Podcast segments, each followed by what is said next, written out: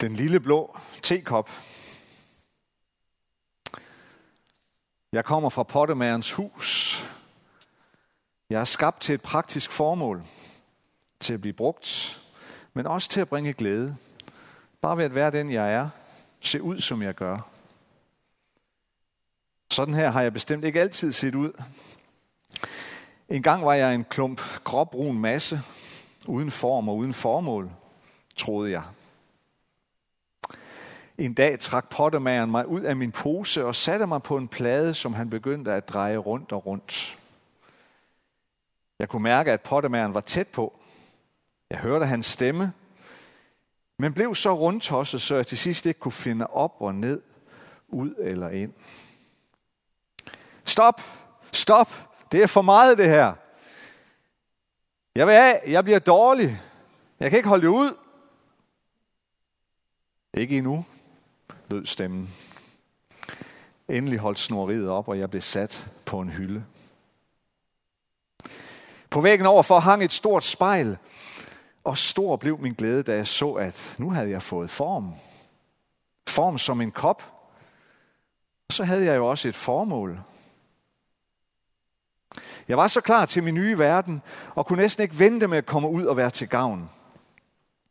Men pottermageren havde slet ikke travlt. Og hver gang jeg troede, at nu skete der noget, så gik han bare forbi mig og tog en anden kop.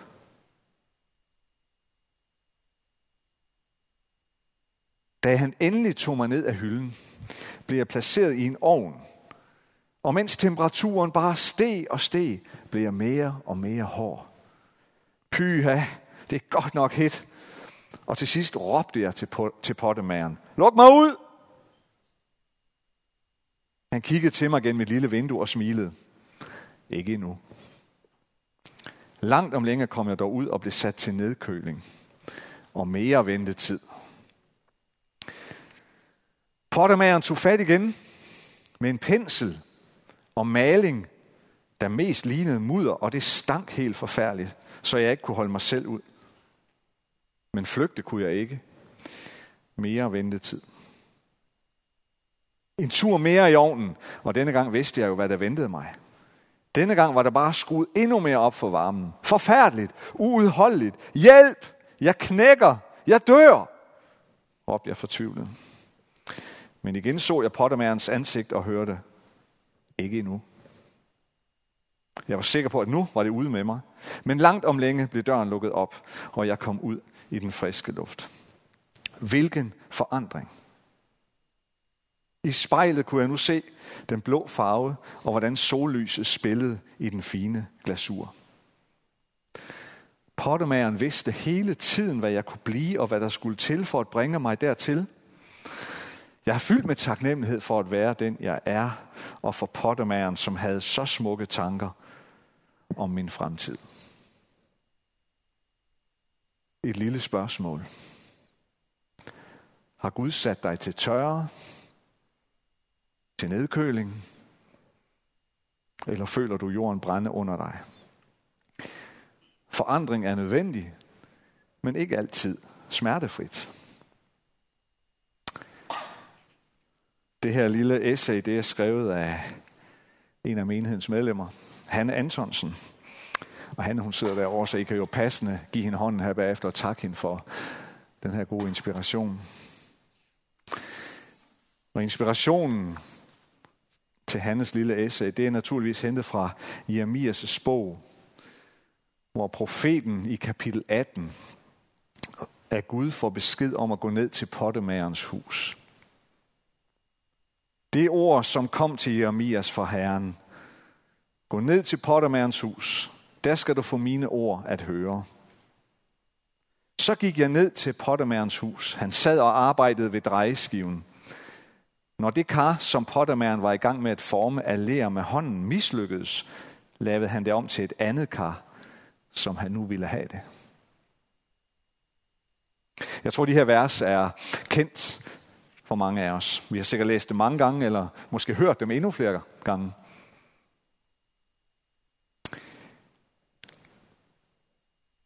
Og jeg synes, der er noget enormt opmuntrende i de her vers. Det er for det første opmuntrende, at pottemæren ikke kasserer læret. Han har brugt leret, han har formet noget af det, men så viser det sig ikke rigtigt at, at være, som, som han gerne vil have det.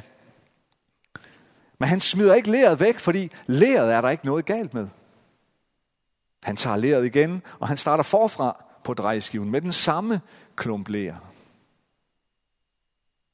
Det viser os noget om Guds kærlighed til sin skabning, og til dig og til mig. Gud er altid tilfreds med dig. Han kasserer ikke sin skabning. Også selvom vi måske nogle gange kan tro det, eller en frygte det. Men det gør Gud ikke. Musikeren Peter Bastian, han siger sådan her i forordet til sin bog, altid allerede elsket, eller bogen om ham. Han siger sådan her, jeg kan se, hvordan forestillingen om det gode, det højere og den bedste udgave af mig selv har været en drivkraft, men også hvordan den forestilling har skabt fjendskab i mit eget liv. Bogen handler om, hvordan jeg er kommet til forsoning med mig selv, fred i eget hus, og om efter et langt liv at have fundet et nyt syn på kærlighed. Sådan siger han, eller sagde han, en uge inden sin død. Og det og meget mere, det fortalte han til sin ven Thor Nørretranders, som skrev bogen Altid allerede elsket. Udsagnet handler om, at Peter Bastian fandt Gud. Eller nærmere oplevede han at være blevet fundet af Gud. Og så fandt han ud af, at Gud allerede og altid var fuldstændig tilfreds med ham. At Gud altid og allerede elskede ham betingelsesløst. Det er, hvordan det kan se ud, når et menneske oplever, at selvom pottemageren, himlens og jordens skaber, ikke altid ser, at læret former sig, former sig, som det var den oprindelige tanke med det, at så kasseres læret ikke af den grund. Selvom dit liv ikke altid former sig, som hverken du eller Gud kunne ønske for dig indimellem, så smiler Gud stadigvæk til dig og over dig, når han ser på dig. For livet det formes eller former sig ikke altid, som det kunne tænkes eller ønskes. Livet er ikke altid taget ud af den perfekte instruktionsbog. Det ved vi godt alle sammen. Et af livets vilkår handler vel om, at en gang i tidernes morgen, så blev vi ramt af den menneskelige races trang til oprør, selvhævdelse og troen på, at, at vi nærmest er vores egne skaber. Og resultatet er blevet en brudhed og et væld af andre konsekvenser, som vi må leve under. Man kunne sige det på den her måde, at det var det fine, hvide, blanke stykke papir, som, som blev koldet sammen.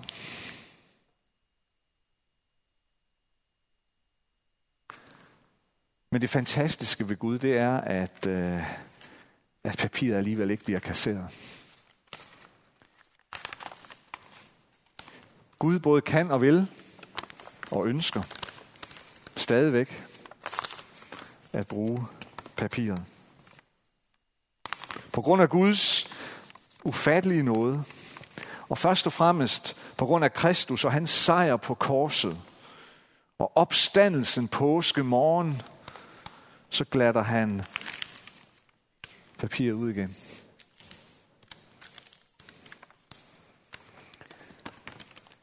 Og igen. Og igen. Og igen.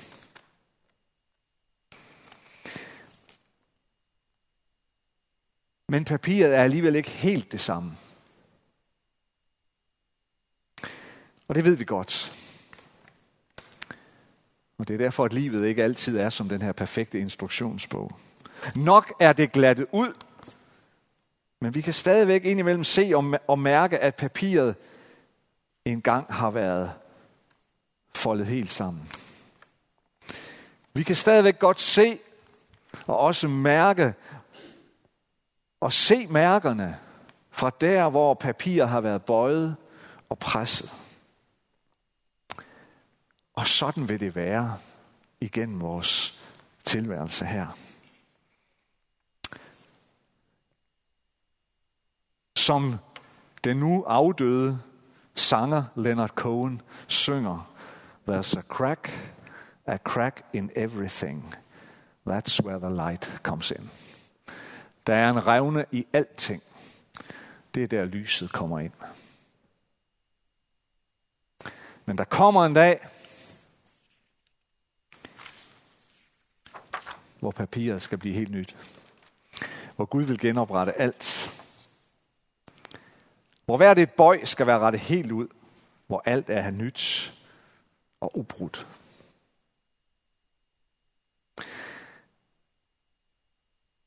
Men beretningen om profeten i Pottermærens hus er jo ikke kun støttende og opmuntrende. Den rummer også noget udfordrende. Og det må vi ikke glemme. Det må vi ikke gå udenom. Det må vi også lære af. Det må vi også tage til os. For hvis vi læser nogle få vers videre i den her beretning i, øh, i øh, Jeremias, så står der, øh, så, så står der i Guds forklaring til Jeremias om det syn, han lige har haft. Snart lover jeg et folk eller et kongerige at bygge det op og plante det. Men hvis det gør, hvad der er ondt i mine øjne og ikke adlyder mig, fortryder jeg det gode, jeg lovede at gøre mod det. Her udfordrer og advarer Gud os. Gør han ikke? Det er i hvert fald et ord om, at vi kan også godt havne i den situation i vores liv, at, at vi kan måske synes, det hele ser fantastisk og næsten perfekt ud med os. At det hele er, som det bør være, og i hvert fald ikke bør ændres på nogen måde. Men det kan være, at Gud ser lidt anderledes på det.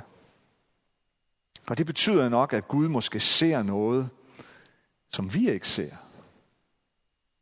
At han ser længere og dybere. Og han kan måske se, at vi helt, helt modsat vores egen opfattelse har brug for at få justeret kursen en smule.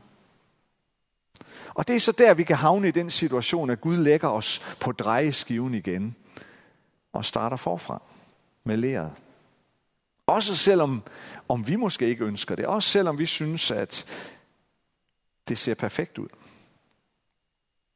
Som det blev beskrevet i det lille essay her, så er der tider, hvor Guds formningsproces eller forandringsproces kan føles som læret på drejeskiven. Og hvor vi kan føle trang til at råbe, stop, stop, det går alt for hurtigt. Sæt mig af. Jeg ved hverken op eller ned, ud eller ind. Eller det kan være som i ovnen og føles for varmt og hårdt, og vi må udbryde, stop, stop, jeg knækker, jeg holder ikke til det. Det har Bibelen et andet billede på og et andet udtryk for. Bibelen taler om det som en beskærelsestid, hvor Gud som vingårdsmanden kommer og beskærer os grenene på vintræet. Kristus er vintræet. Han er stammen. Og vores himmelske far er gardneren eller vingårdsmanden. Vi er grenene, vi må indimellem beskæres for at kunne være grene, som bærer frugt. Men, men beskæring er aldrig uden at vi kan mærke det. For hvis ikke vi kunne mærke det, så ville vi sikkert heller ikke lære noget af det. Beskæring indebærer nogle gange et stik af smerte. Forandring og nyskabelse er ikke altid let eller ubesværet. Det kan godt koste noget af os og fra os. Men i beskæringen og øh, nyskabelsen, der ligger der en hemmelighed gemt. En hemmelighed, som vi måske nogle gange overser. Nemlig at det er et udtryk for Guds store kærlighed til os. Og et udtryk for, at han er tilfreds med sin skabning. Han er så tilfreds med den, at han aldrig opgiver den. Han bliver ved med at se potentialet i den. Et potentiale så stort, at han er parat til igen og igen at forme og beskære grenene. Fordi han bliver ved med at tro på, at der kan komme noget smukt og noget frugtbærende ud af nyskabelsen. Det er da en fantastisk tillidserklæring fra Gud til os. Det er Guds måde at sige til dig, du er altid allerede elsket. Jeg kasserer ikke det gamle, og så bare skaber noget helt nyt. Jeg beholder dig. Jeg bevarer dig. Men jeg vil også forandre dig, for du kan blive endnu smukkere, endnu stærkere, endnu mere formbar. Lad os bede sammen. Almægtige Gud og himmelske Far, tak fordi du er den utrættelige vingårdsmand. Og tak fordi du er den utrættelige og kreative og skabende pottemager ved drejeskiven. Nu beder vi dig hjælpe os til at være formbart lær. Hjælp os til at være grene på træet, der ikke viger tilbage for beskæring. Fordi vi ved, at du gør det nænsomt, og du gør det fyldt med visdom. Og selvom vi ikke altid føler, at det er nænsomt.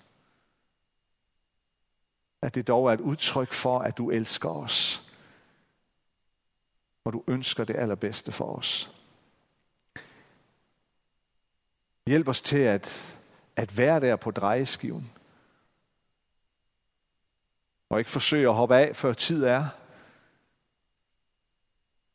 Men blive der i forvisningen om, at det billede, du ser for os og om os, er langt større, langt stærkere og langt skønnere, end vi kan forestille os. Tak, at du aldrig mister troen på os.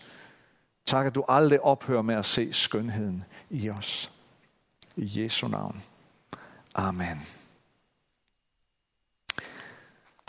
Nu skal der være et musikalsk indslag, hvor øh, nej,